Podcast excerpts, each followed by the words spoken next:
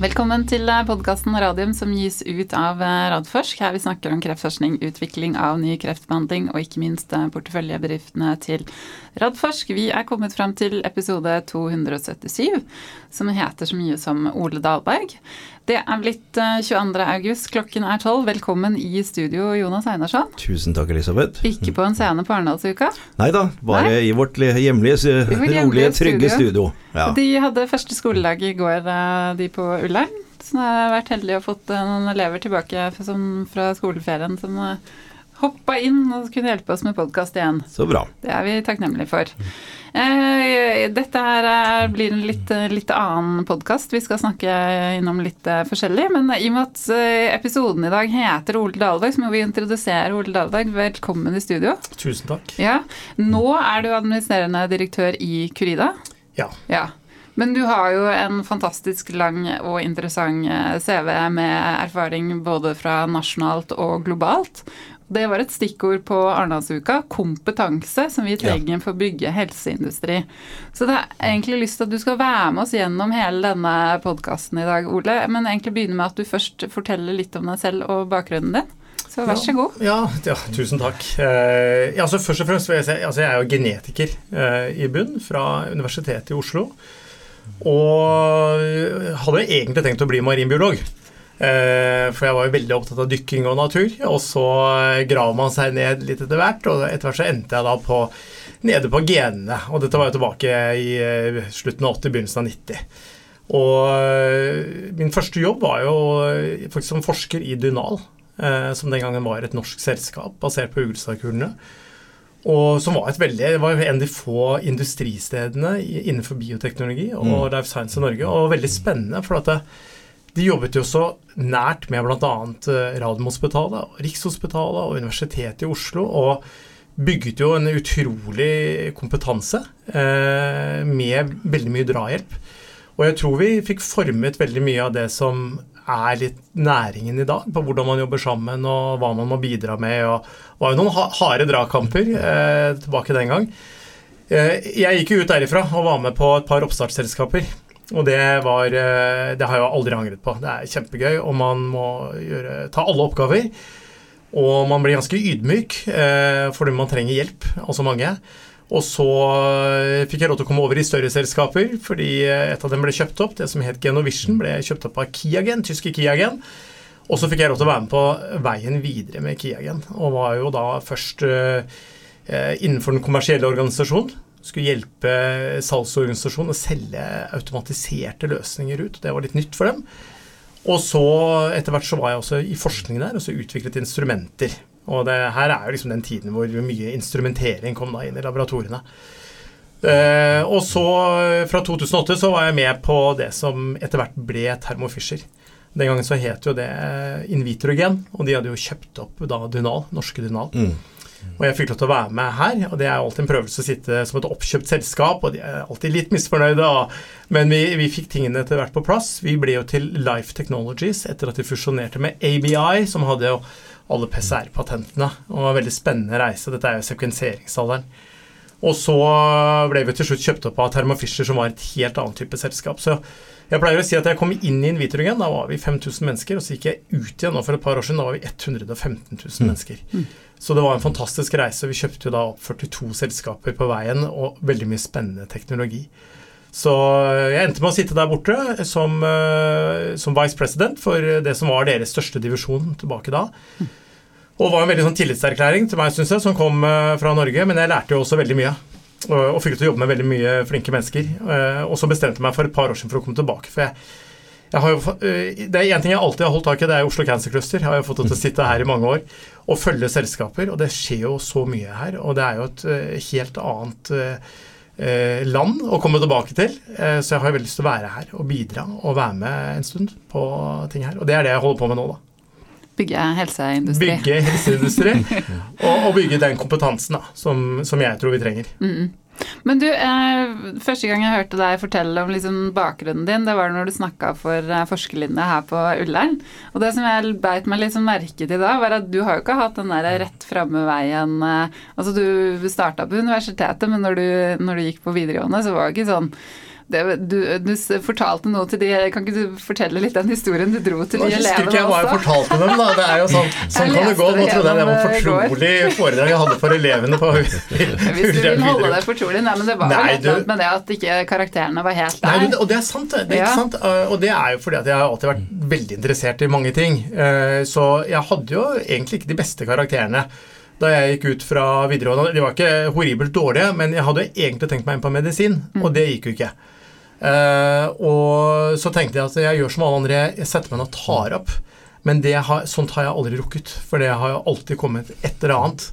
Uh, og jeg må jo si det at eh, min reise Jeg har alltid vært veldig glad i industri. Og min far han var lege, og, men han endte opp som uh, viseadministrerende i Hydro Aluminium. Og ble veldig opptatt av hvordan industrien uh, påvirker både mennesker og miljø. Og hadde jo et veldig bra utgangspunkt som leger. Og det var ikke så vanlig at leger satt uh, høyt oppe i ledelse den gangen. Nei, vi har jo en i rommet her, da. Ja, og det ikke sant, Men han er ikke vanlig, han heller. ikke sant? Og, det, og vi trenger den der krysskompetansen, ikke sant, hvor vi mm. har forskjellige. Så så, så, jeg bestemte meg for det at hvis jeg ikke blir lege for mennesker, så uh, blir jeg lege for natur. Mm. Uh, så da kan jeg liksom velge skal jeg bruke all tid på menneskelig kropp, eller skal jeg bruke tid på hele økosystemer. Og det var egentlig reisen min. Og jeg kom faktisk ikke inn på universitetet heller. Altså jeg, måtte, jeg gikk inn via teologi, det var liksom planen min. Uh, å komme inn, men For de stengte jo alt det året tilbake i 1990 eller et eller annet sånt. Men nå ordnet det seg, altså. Og så kom jeg inn, og da måtte jeg jobbe hardt. For da var jeg jo livredd, for da, jeg, da, skjønte jeg at eh, de karakterene kom ikke helt gratis. så da jobbet jeg veldig hardt, og da fikk jeg veldig bra karakterer. altså.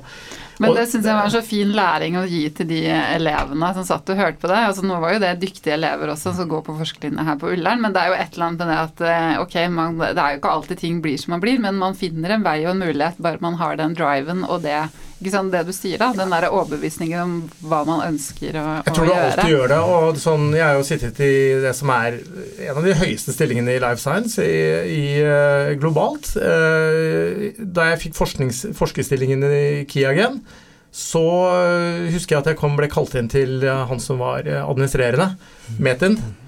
Og så spurte han også litt om bakgrunnen min, og så viste det at han skjønte at jeg hadde ikke doktorgrad. Mm. Og, så, og, han var jo helt i sjokk. Og så sa han vet, vet firmaet om dette her? Så sa jeg ingen har aldri noen som har spurt meg. Så, så, sa han det er første gang vi har en uten doktorgrad som er forskningssjef her, men eh, de lot meg fortsette, altså. Ja, ja. Og det er klart at eh, jeg er sikkert den eneste som sitter eh, og har ledet divisjoner i, i Thermo Fisher uten MBA. Mm.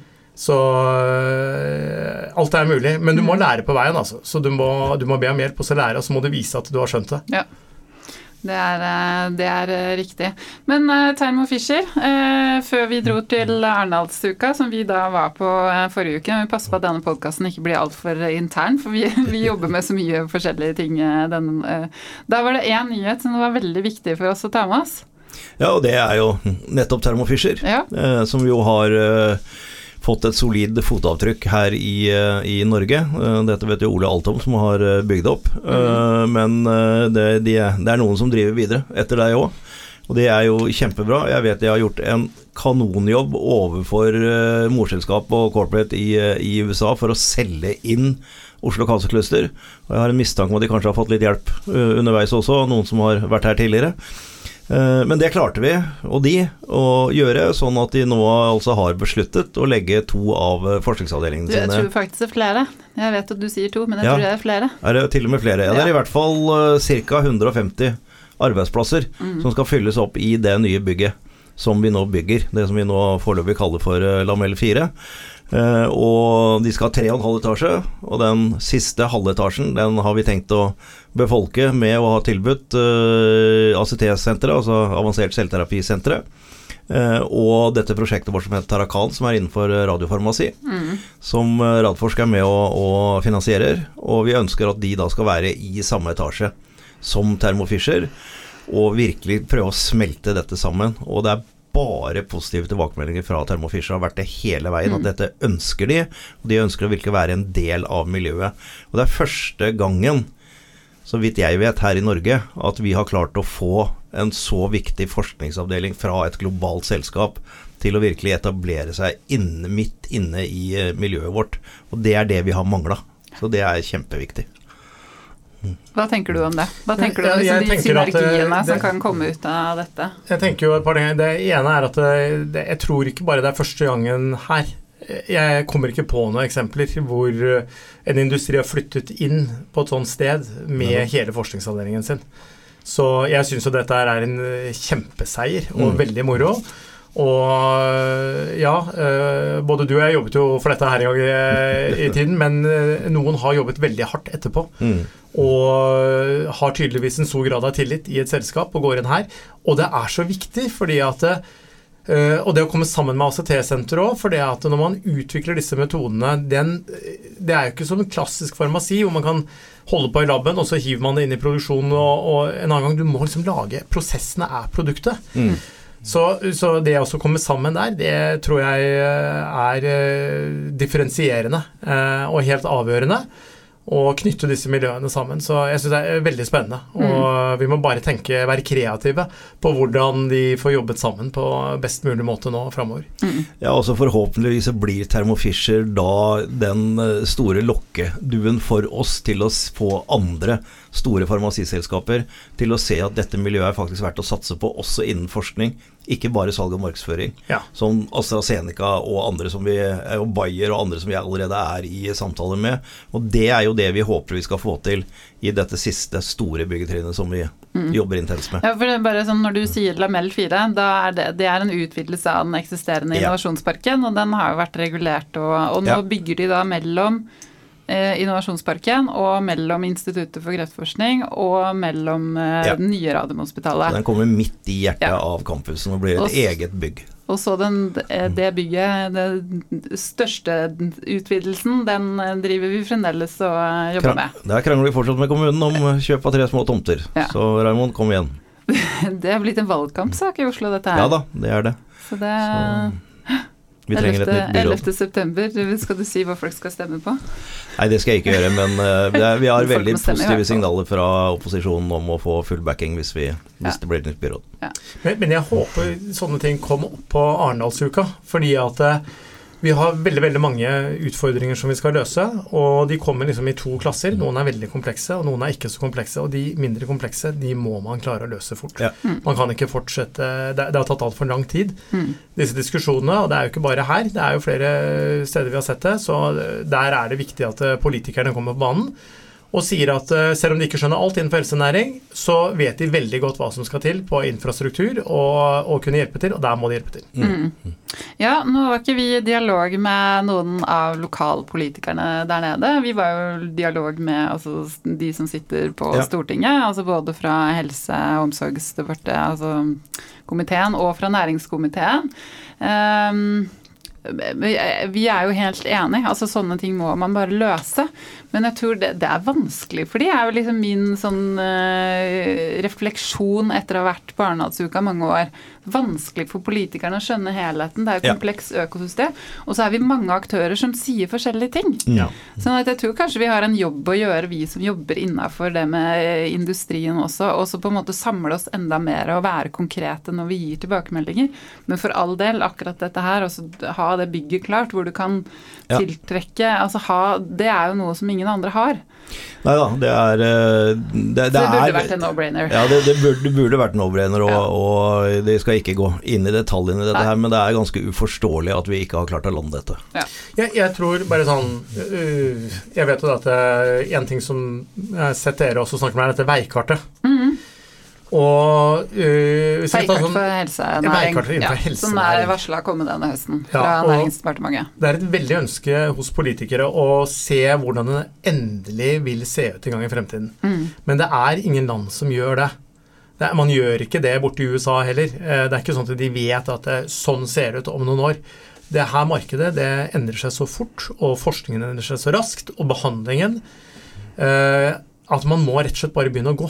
Mm. Og så må man si hva er de få tingene vi i hvert fall må tro på, og så må man begynne å gå i den retningen. Det, det er, så eh, alle venter på veikartet, nesten unntatt meg. Jeg tror ikke jeg venter på det veikartet. Jeg venter bare på de tre-fire første tingene som vi vet vi må gjøre, og så gjør vi det. Ja. ja, hva er det, da?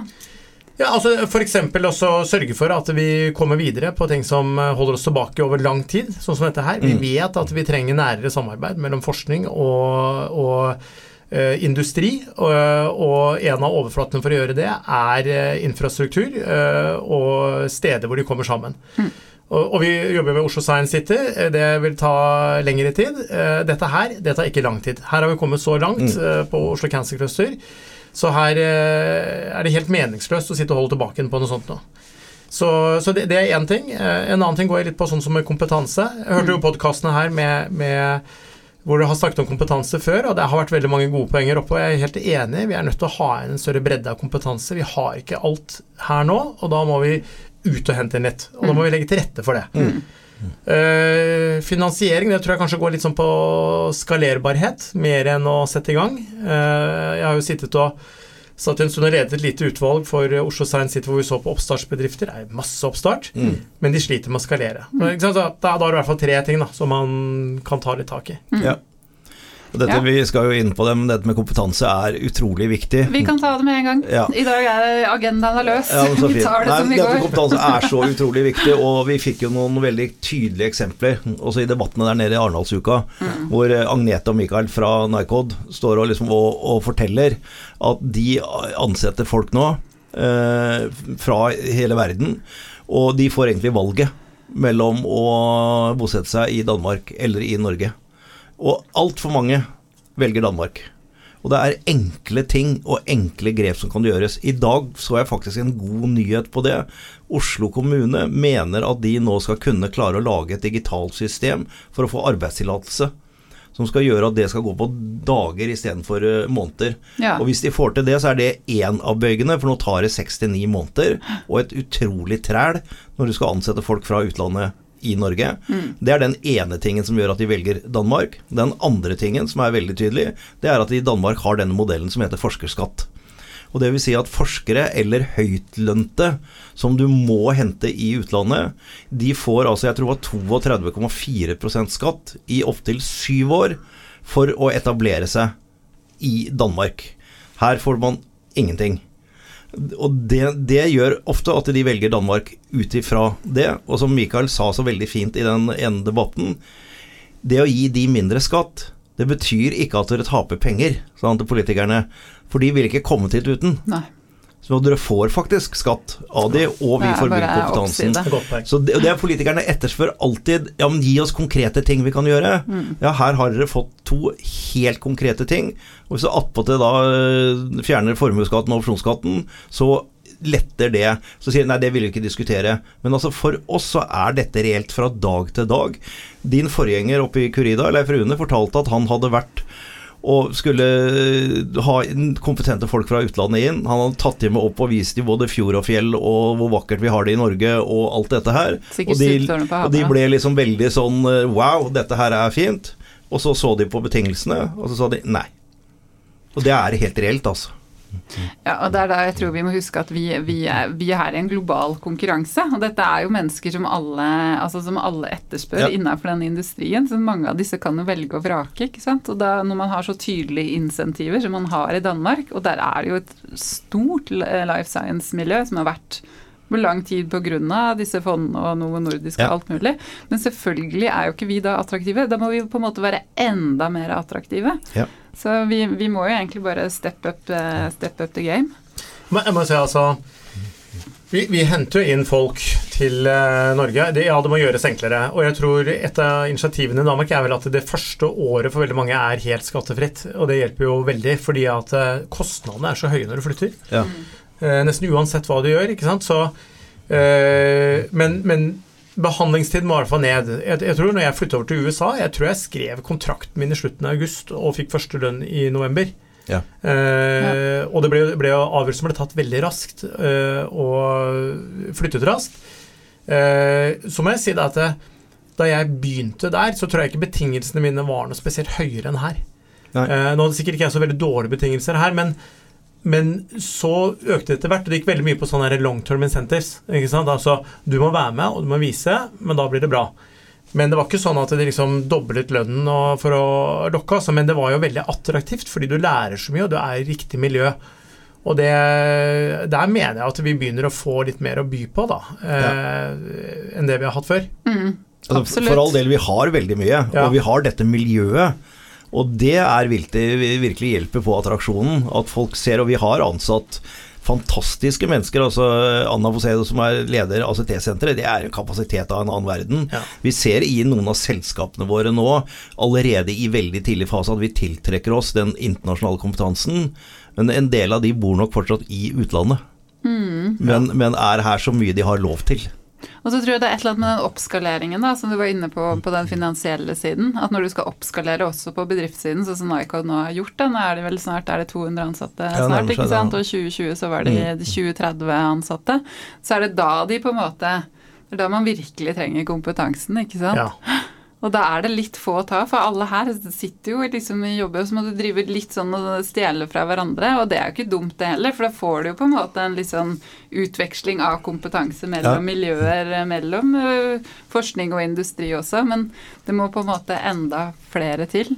Jeg tror Agnete satte ord på det, for hun sa det at eh, du kan ikke ha førstegangsreisende på de aller viktigste stillingene. da. Nei. Eh, og det er jo helt riktig. Mm. Hun må ha med Og Nycode er jo, det har vokst raskt, men det er jo også en sårbar uh, stilling. Og pengene kommer jo fra Milestone Payments, så de må levere. Hvis ikke så har det en konsekvens for veldig mange mennesker. Så uh, hun har jo helt rett. Hun må ha med seg veldig dyktige mennesker for også å få til det der. Så bra. Eh, skal vi da gå over til eh, noen nyheter? Ja. Ja, det er litt sånn nyheter dette her òg, men Ja. eh, vi er jo midt i en sånn der kvartalsrapport-bonanza. Såpass bonanza at ikke jeg hadde fått med meg engang at Ultimovac skulle legge fram sin kvartalsrapport fra andre kvartal halvåret i dag. Eh, og du er jo da herværende styreleder i Ultimovac, så du kan jo dra oss gjennom eh, høydepunktene. Ja, jeg skal ikke kommentere for mye nå, for nå er det et par timer til, så skal eh, Carlos og Jens og co. ha en webkast og gå grundig gjennom.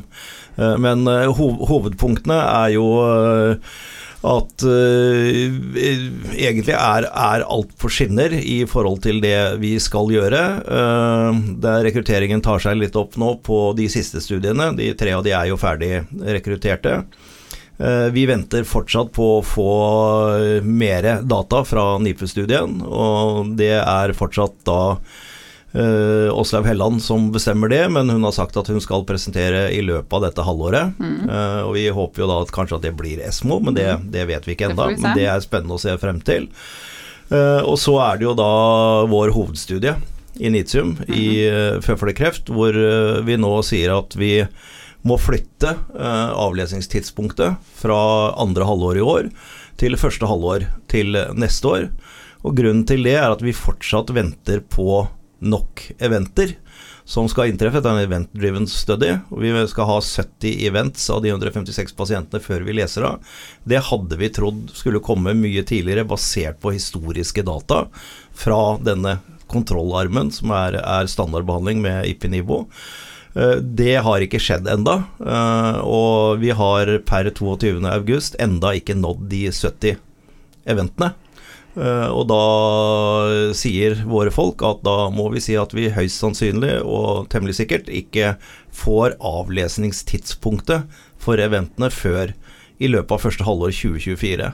Og så sier selskapet samtidig at vi skal se nærmere på dette og gå i dialog med de regulatoriske myndighetene om det finnes noen annen måte å lese av endepunkter enn bare progression free survival. Men det er noe vi ser på, og vi har ikke noe tidsaspekt på når det eventuelt skal skje, eller om det skal skje. Nettopp. Eh, ja, du skal ikke kommentere, så jeg skal ikke spørre. Jeg bare ser for meg at det blir en del spørsmål om dette her eh, i webkasten. Ja, heldigvis er det Carlos og Jens da som skal Ja. greie ut og, Og ut for det. Og den. eh, Hør på den før dere hører på meg. Ja, ikke sant. Det er godt mulig vi kommer ut etter den også, Ja, så det, det blir litt sånn der time, time warp eh, her nå. Men uansett, eh, de, vi skal invitere de i studio, så kan eh, vi få stilt eh, de spørsmålene vi trenger også.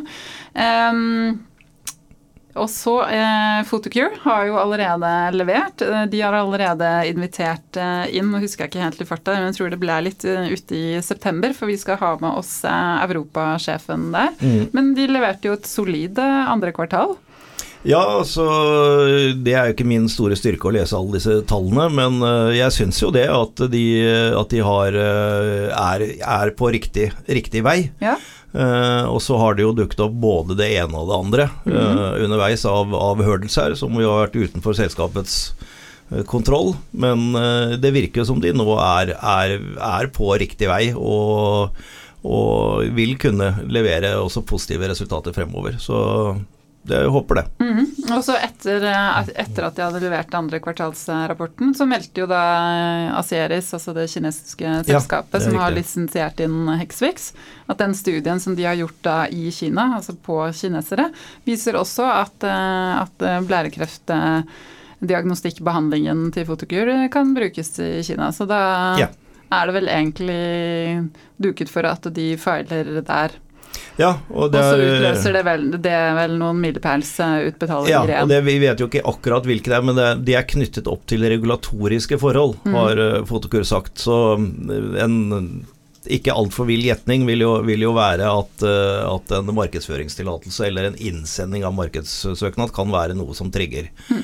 trigger milestones på det. Så det, det, er jo helt klart positivt. Mm. Så vent, venter vi da på Sevira data, også mm. fra Asieris, som uh, så vidt jeg vet, er guidet fra Asieris at de skulle komme i løpet av dette året. Ja, det husker ikke jeg. Så da jeg tror, jeg tror det. sånn er det. Um, ja, vi var jo Og det har sikkert skjedd mer denne sommeren. Det er det jeg kom på i mm. farta. Uh, og det er jo som snakket, det er jo flere, flere kvartalspresentasjoner denne uken. Og vi inviterer inn selskapene fortløpende når det passer for de og når det passer for oss. Uh, det er uh, hektiske tider for tiden. Um, skulle vi sagt Eh, noe rundt Jo, fordi på Arendalsuka så hadde vi et eh, møte med Invento om eh, kliniske studier. Mm. Det må vi si litt om, for det er jo et sånn årlig møte vi har på Arendalsuka hvor vi egentlig bare ser på status nå som vi har fått en handlingsplan for kliniske studier som er ganske sånn ambisiøse målsetninger med en dobling i antall studier, mm. og at 5% av, av norske pasienter skal på en måte få tilbud eller bli innrullert i en klinisk studie. Eh, du vet ikke om du husker konklusjonen? Nei, altså det var litt sånn eh, Det var en status per, eh, per, august. Ja. Uh, og det var, det var, litt sånn faresignaler på at det så ut som, etter den veldig gode økningen vi har hatt de siste årene, at det har gått noe nedover igjen. Uh, men samtidig så er det fortsatt bare august. Det kan være litt sånn sykliske svingninger med, med når selskapene setter i gang. Eh, men eh, i det store og det hele så, var, så det ut som det var disse akademiske studiene som hadde gått nedover, mens eh, de industristudiene i hvert fall hadde holdt seg, eller hadde vel fortsatt en trend mot en, en viss stigning. Men det er viktig å monitorere dette her hele tiden og se om tiltakene fungerer. For det er en Det var flere fra noen av selskapene der, bl.a. var Abbey og, og flere som, som beskrev denne utrolige globale konkurransen BMS og Nartis som ja, var med akkurat i det ja, møtet. Men, denne globale ja, konkurransen de norske kontorene har mot resten av verden for å få studiene til Norge. Mm. Og det er, det er, en tøff konkurranse. Mm. Eh, og så var det jo nå også flere studier som drives av CRO-er, og Monitor som ikke sitter i Norge, og det var en del ja. sånne utfordringer der. Kirsten Torin Hagene som leder da enheten som gjør Altså de er vel den nesten største nordiske enheten for kliniske studier innenfor kreft eh, fra Radiumhospitalet, var nede og presenterte, og viste liksom hvordan de nye studiene er blitt så ekstremt kompliserte. Ja. Eh, så det også er jo noe som eventuelt spiller inn, og som man må legge til rette for. Men det gjelder jo da heller ikke oss. Så det er nok en gang den der hvordan imøtekomme den eh, globale konkurransen. Ja. Så um, ja. Eh, det var det. Ellers så var jo vi med på to møter om helseindustri. Ett med Invento, hvor vi fikk litt Men før du går ja. på den. Kliniske studier. Ja. Vi må gjøre mer kliniske studier. Absolutt. også på bare tenke på Vi, vi har, begynner å få en del veldig veldig bra forskning. Nå tenker jeg spesielt sånn altså nevnte ACT-senter, og vi har en del veldig gode forskningsgrupper. men de, har, de er for lite linket opp til kliniske studier. Vi må i klinikk. Mm. Og husk på, det var jo Det har jo alltid vært styrken til Radiumhospitalet. Gå tidlig i Eh, klinikk. Eh, Gå tidlig i klinikk, ikke sant? Hvis du tenker på også sånn som dette med CAR-T og, og styrken til f.eks. Til eh, Når du tok fram CAR-T før- lenge før Novartis kom, så var det at man var i klinikk hele veien, ikke sant? Mm. Eh, og det, det må ikke glemmes. Vi har liksom følelsen at det er et lite sånn generasjonsskifte, og nå står vi på laben, og så tar vi det ikke ut. Så, og det, det, Man får ikke fram forskningen i dag hvis man ikke viser det i klinikk. Det er det ene. Og det andre er jo det at eh, sånn, rent sånn helsemessig for, for kreftpasienter, så er det sånn at det, jeg- tror nå 35 av kreftpasientene har jo ikke noe tilbud. Eh, og det vil eh, De er jo avhengig av eksperimentell behandling. Mm. Og den kommer jo Det er jo i eh, kliniske studier. Så hvis Norge skal ligge langt fremme på helsesiden, så må alle være med og trekke den retningen. Og sørge for at det blir mer kliniske studier, også de mindre kliniske studiene, og på det som er både rare disease og, og litt sjeldne kreftformer, for det er der vi har styrken vår. Det er der du trenger mer gode data. Og jeg hører folk prate med seg helsedataene hele tiden. De er kjempeviktige. Vi har jo også her på huset så ligger det også fantastiske eh, arkiver. Ja. Jeg tenker på alle, alle de superresponderne vi har på tidligere kreftstudier og TCR-celler og sånn. Altså, det er, ligger veldig mye her. da, Det er fantastisk mye vi kan by på. Og det er jo en det er jo sukkertøy for de store farmaselskapene der ute, altså. Absolutt. Men Ja. vi må styre det herifra. Og der, apropos Abby, fordi Ja. eh, Matthew Iles, som er da skandinavisk eh, sjef for eh, Abby, var nede og snakket på et av møtene der nede. Og han viste jo da hva de hadde gjort i Finland i forhold til det å få til dette privat-offentlige samarbeidet nettopp på helsedata, inkludert biobanker og registre og hele pakka, hvor da, hvis jeg husker riktig, disse globale legemiddelbedriftene altså betalte, nå husker jeg ikke summen, men nesten en sånn årlig abonnementsløsning for å få tilgang og for å gjøre forskning og utvikling. Veldig spennende opplegg. Ja, nei, det, det, det er kjempespennende. Det er FinGen. Ja, og FinnData. Og Finn, de to, Finn, eh, Finn Data. ja. eh, og vi dukker Ikke ordentlig Nei, ikke finn.no. Vi dukker ordentlig ned i den modellen nå, for jeg syns den er kjempespennende. Og dette er noe vi kan gjøre i det neste store byggetrinnet. Altså der, der har vi planlagt at vi kan lage infrastrukturen for en svær biobank, men bygge det opp med disse moderne modulene, hvor du nærmest kan leie deg inn og få full infrastruktur. Det hadde industrien vært med og, på og sponsa lite grann, men staten måtte gå inn med ganske mye i Finland for å gjøre det. Det behøver de ikke her. Det kan vi sørge for eh, med privat eh, finansiering. Og lage lokalene, infrastrukturen, få alt på plass. Og så få til det de har gjort i Finland, et samarbeid mellom staten, de akademiske institusjonene og industrien. De bidrar faktisk med 1 million euro Ja, i det året. Stemmer det. Det, og det er åtte eller ti store selskaper som er med på dette nå, så det begynner å bli mye penger. Og det går til å drifte hele dette systemet for å få tilgang til disse, nettopp de arkivene. Få dette på plass, få det ut av fryserne som er rundt omkring. Få alt sammen systematisert. Du kan bestille, du vil ha de dataene, de, de dataene. Du får de. Jeg vet at folk roper for personvern. Det er, løs, det det er løsbart. Og så øh, kan alle få tilgang til å bruke det. Så det de betaler for, er å få tilgang til dataene, ikke betaler for dataene. For den modellen har vi prøvd mange ganger, og den fungerer veldig dårlig. Ja. Så denne totalmodellen på dette har jeg veldig lyst til at vi skal få til i det neste, neste byggetrinn, og det tror jeg er mulig å gjøre. Vi må bare lage modellen sånn passer inn i norske forhold. Nå tenker jeg også liksom på sånn som, som jeg nevnte med dette arkivmaterialet. da, ikke sant, sånn F.eks. etter Gauderak og Kvalheim. Det ligger jo masse der. Og de var jo smarte nok til også å ta vare på det som de fleste andre kastet. Mm. Og der ligger jo øh, gull, Mm. eh, spør du meg. Og én ting er jo å gi store selskaper tilgang på, men bare det også kanskje begynne å tenke på Skal man funde eh, de selskapene og de forskningsgruppene som ønsker å jobbe rundt noe sånt noe? For da, da får du i gang en sånn eh, krit, kritisk masse Mm. Av, eh, av innovasjon, ikke sant? Eh, For at det er veldig spredt i dag. Man putter litt penger der og litt der, mm. men kanskje man liksom skulle samlet det litt og sagt at her ønsker vi å bruke tid fremover, for at vi sitter med et godt kort her, og det kan utgjøre en ganske stor forskjell i forståelsen av f.eks. For. Og jeg mener hvis du tenker på direkte påvirkning på immunforsvaret, så er jo det er TCR og CAR-T. Det er det du har, mm. ikke sant, og det er i dag.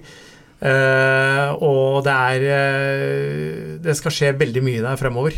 Og der kan vi bidra. Vi kan mm. akselerere den innovasjonen. Uh, og det kan vi gjøre med instrumenter herifra. Mm. Veldig bra.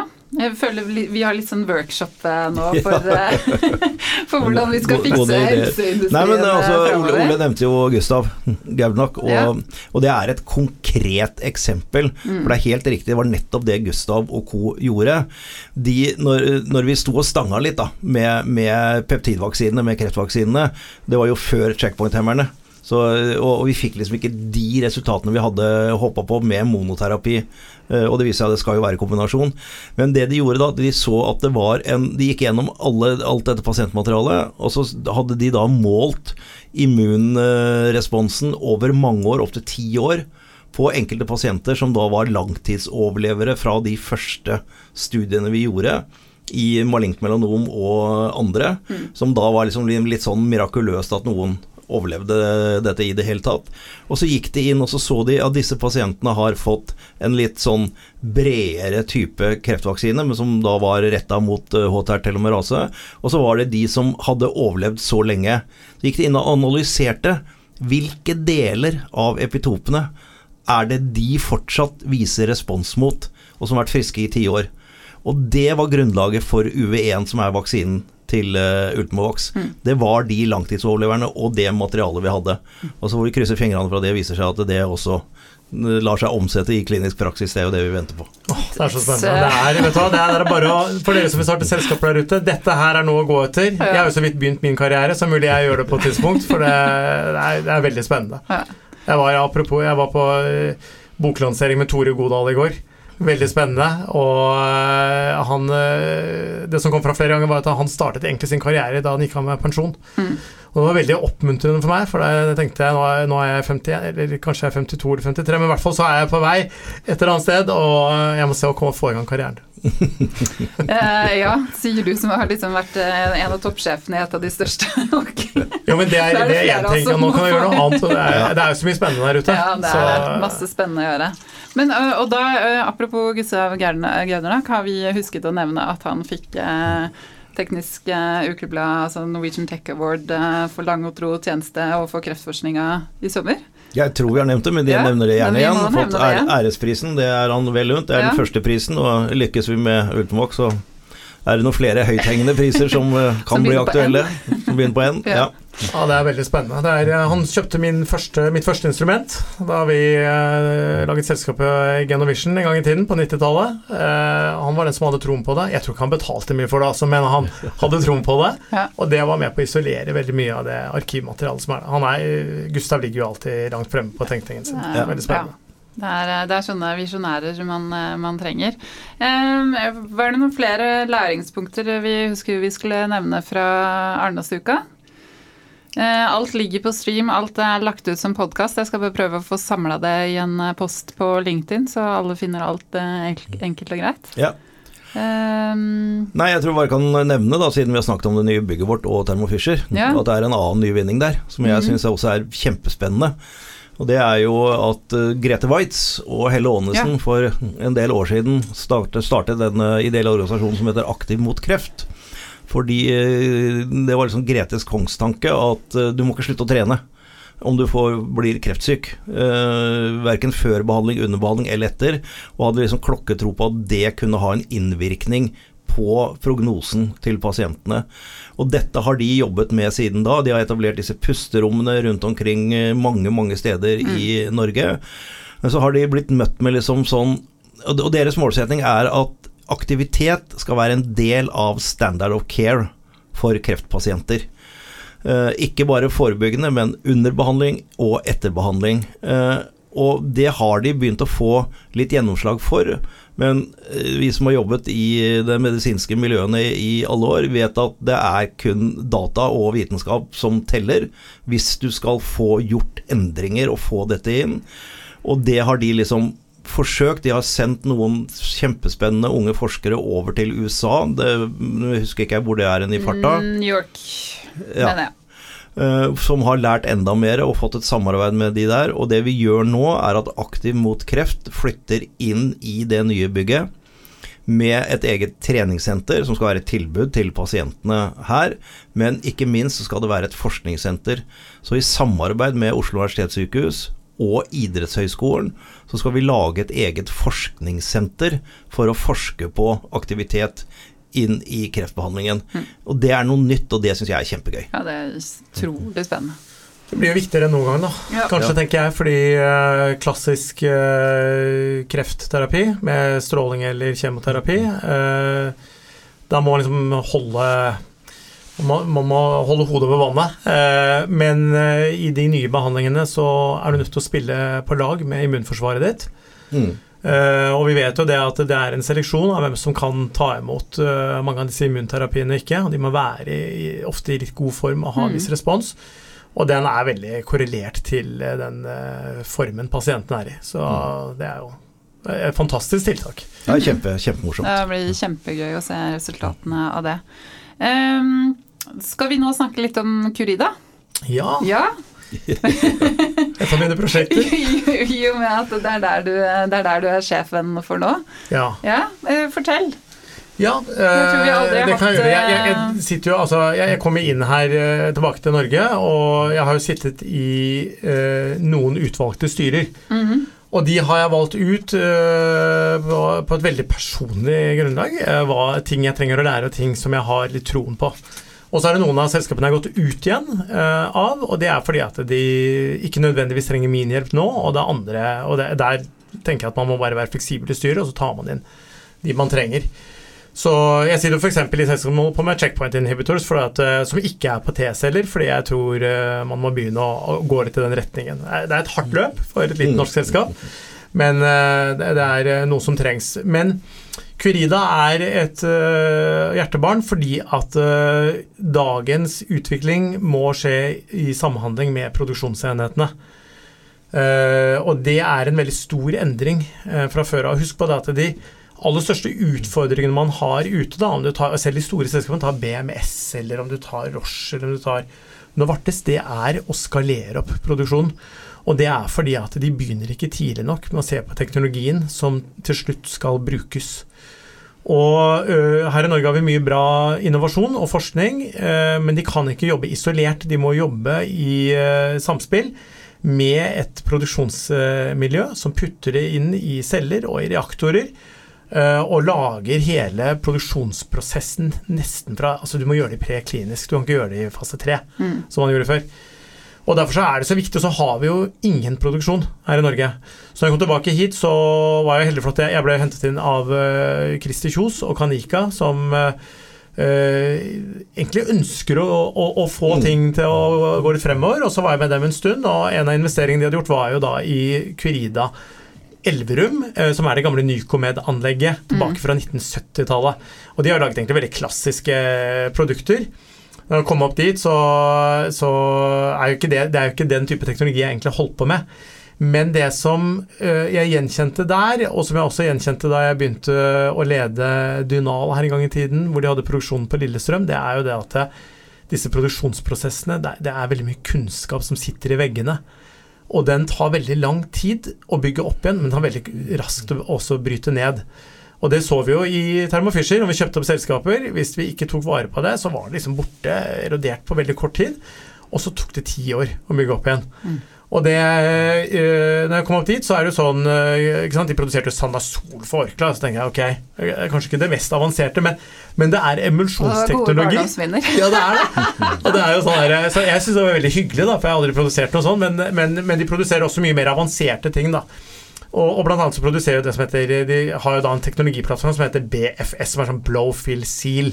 Og det er jo egentlig som eh, Det er jo egentlig engangs- eh, og injeksjonspreparater som ikke er i glass. Og det enkleste formatet er sånne øyedråper, og det er sterilt, ikke sant? så du gjør alltid én operasjon inni instrumentet. Men det er også morfinpreparater og sånt, og da beskytter du også operatør. Og etter hvert så vet vi jo det at uh, dette her vil bli mer og mer avansert. Og nå kommer jo da nye bioterapien, og de skal også inn i et format. Og det er mye vanskeligere, for det er biologiske molekyler, og ikke Uh, og de, de, vil, de, tåler ikke den samme varmen, de tåler ikke den samme behandlingen. ikke sant? Så du må liksom ha det hånd i hånd. Og det syns jeg var veldig uh, tiltalende. Og så viste jo det uh, miljøet på Elverum at de er veldig flinke til å jobbe sammen og utvikle nye ting. Mm. Blant annet så gikk de inn i sprayteknologi i jeg tror det var i 2019. Jeg kom mm. inn nå i februar, så, men i 2019. Og da Uh, og de produserte allerede sånn Symelin og sånne ting. Uh, og det er nå én ting, for det, det, er ikke veldig høye krav på det. Men de begynte også med produkter som er leveranse av f.eks. smertestillende til kreftpasienter, som er preparater på migrene. Og da må du ha helt annen type teknologi, du, og du flytter jo sykehjem, syke, sykehuset hjem, ikke sant, mm.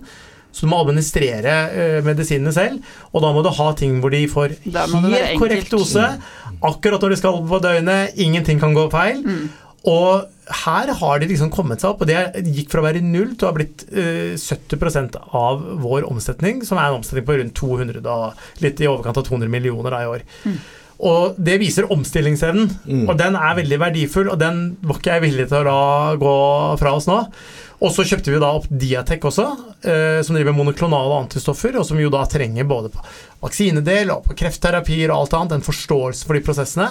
Og så ønsker jeg også å føre de to miljøene sammen. Og det er det vi holder på med nå, så vi fusjonerer de selskapene nå i år. Og så har vi gått gjennom eh, forferdelig vanskelig tid. Mm. Hvor da eh, Og det er, det er, litt mer bakgrunn for den tiden enn det som kommer fram i pressen. Eh, og, og den historien får vi ta en annen gang. Men vi måtte liksom hale oss fra tue til tue over Hardangervidda her. Og holdt jo, var jo nær ved å gå konkurs og fikk jo hjelp av andre. Men jeg har vært helt klar på det at det, det er veldig mye billigere å redde det nå enn å prøve å hente det der opp igjen senere. Mm.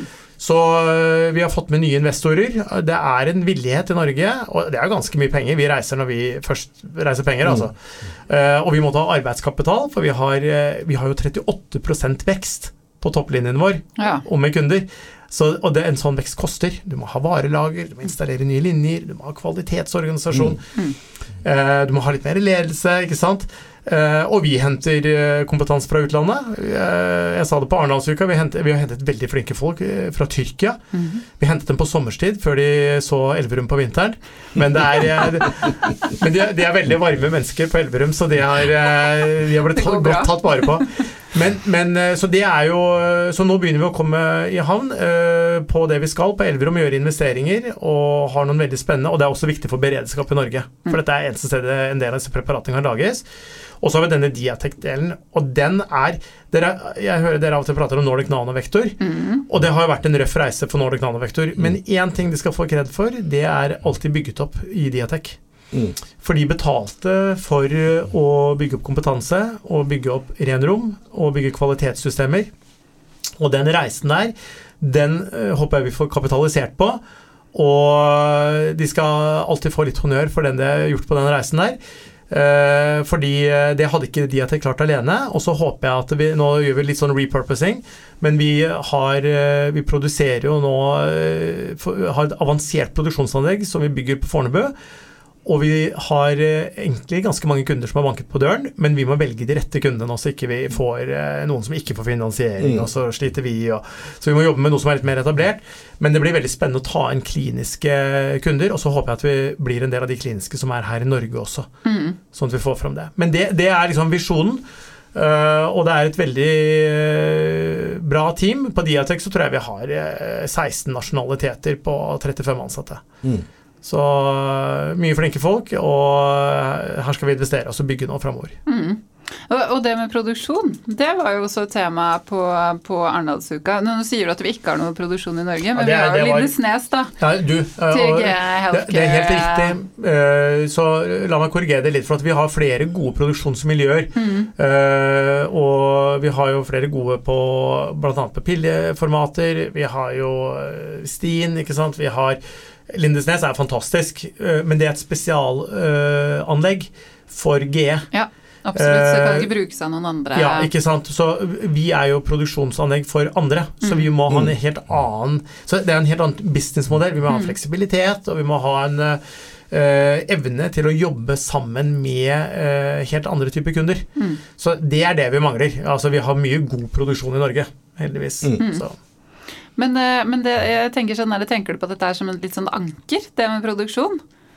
For det snakket vi det- også om i forhold til det der å flytte verdiskaping ut hvis noen eh, ble Ja, ja. kjøpt opp. Så var det veldig sånn Det er vanskelig når du har produksjonen i et land. Altså Ref. um, Algeta, Ife nå Bayer eh, Agilera, er det ikke det de heter nå? Mm. Ikke sant? Med produksjonen av Sofie Nå vet jo ikke jeg helt eh, altså, Hvis du tar sånn som Algeta, da. Det er jo på mange måter en suksesshistorie, vil jeg si. da, eh, Mer enn at det ikke er en suksesshistorie. For det at eh, tross alt så har det jo flyttet enda mer forskning Mm. eh, til Norge.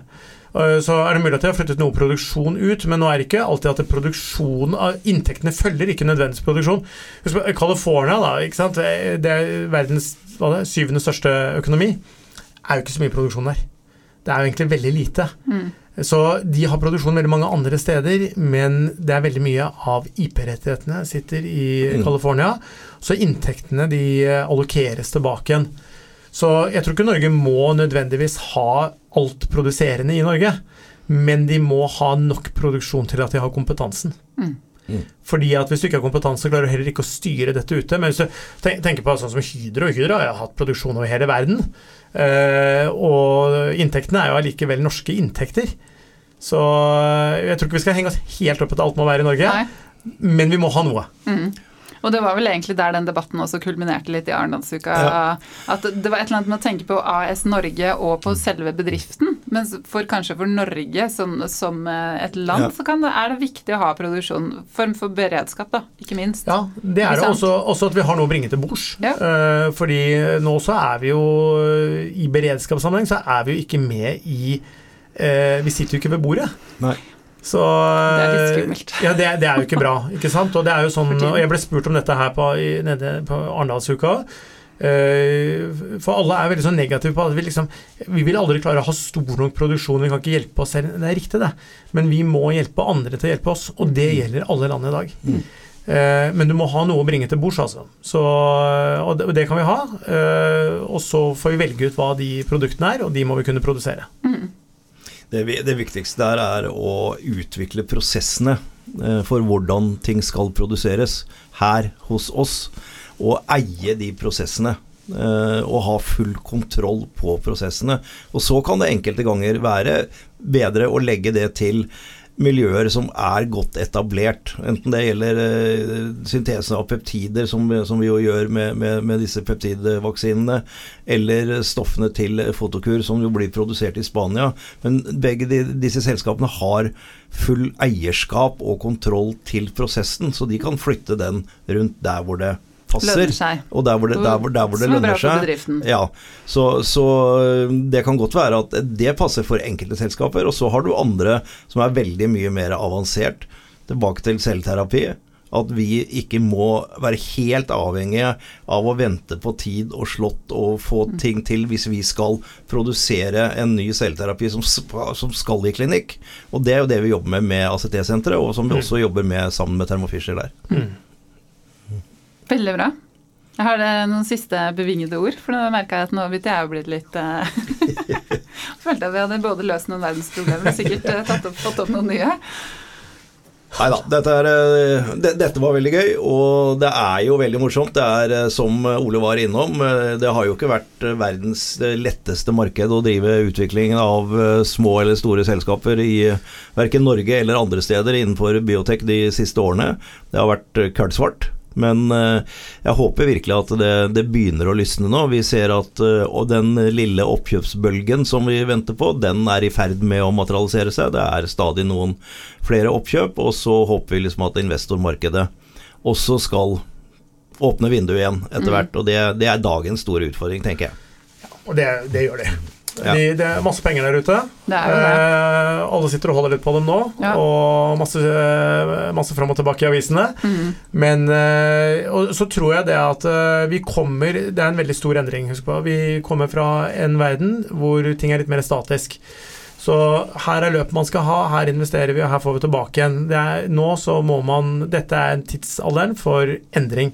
Det er endring hele tiden. De fleste selskaper må endre seg flere ganger underveis.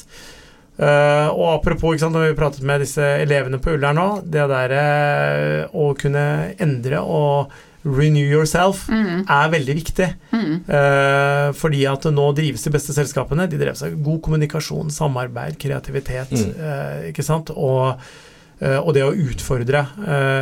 og det er det vi må ta med den yngre generasjonen på.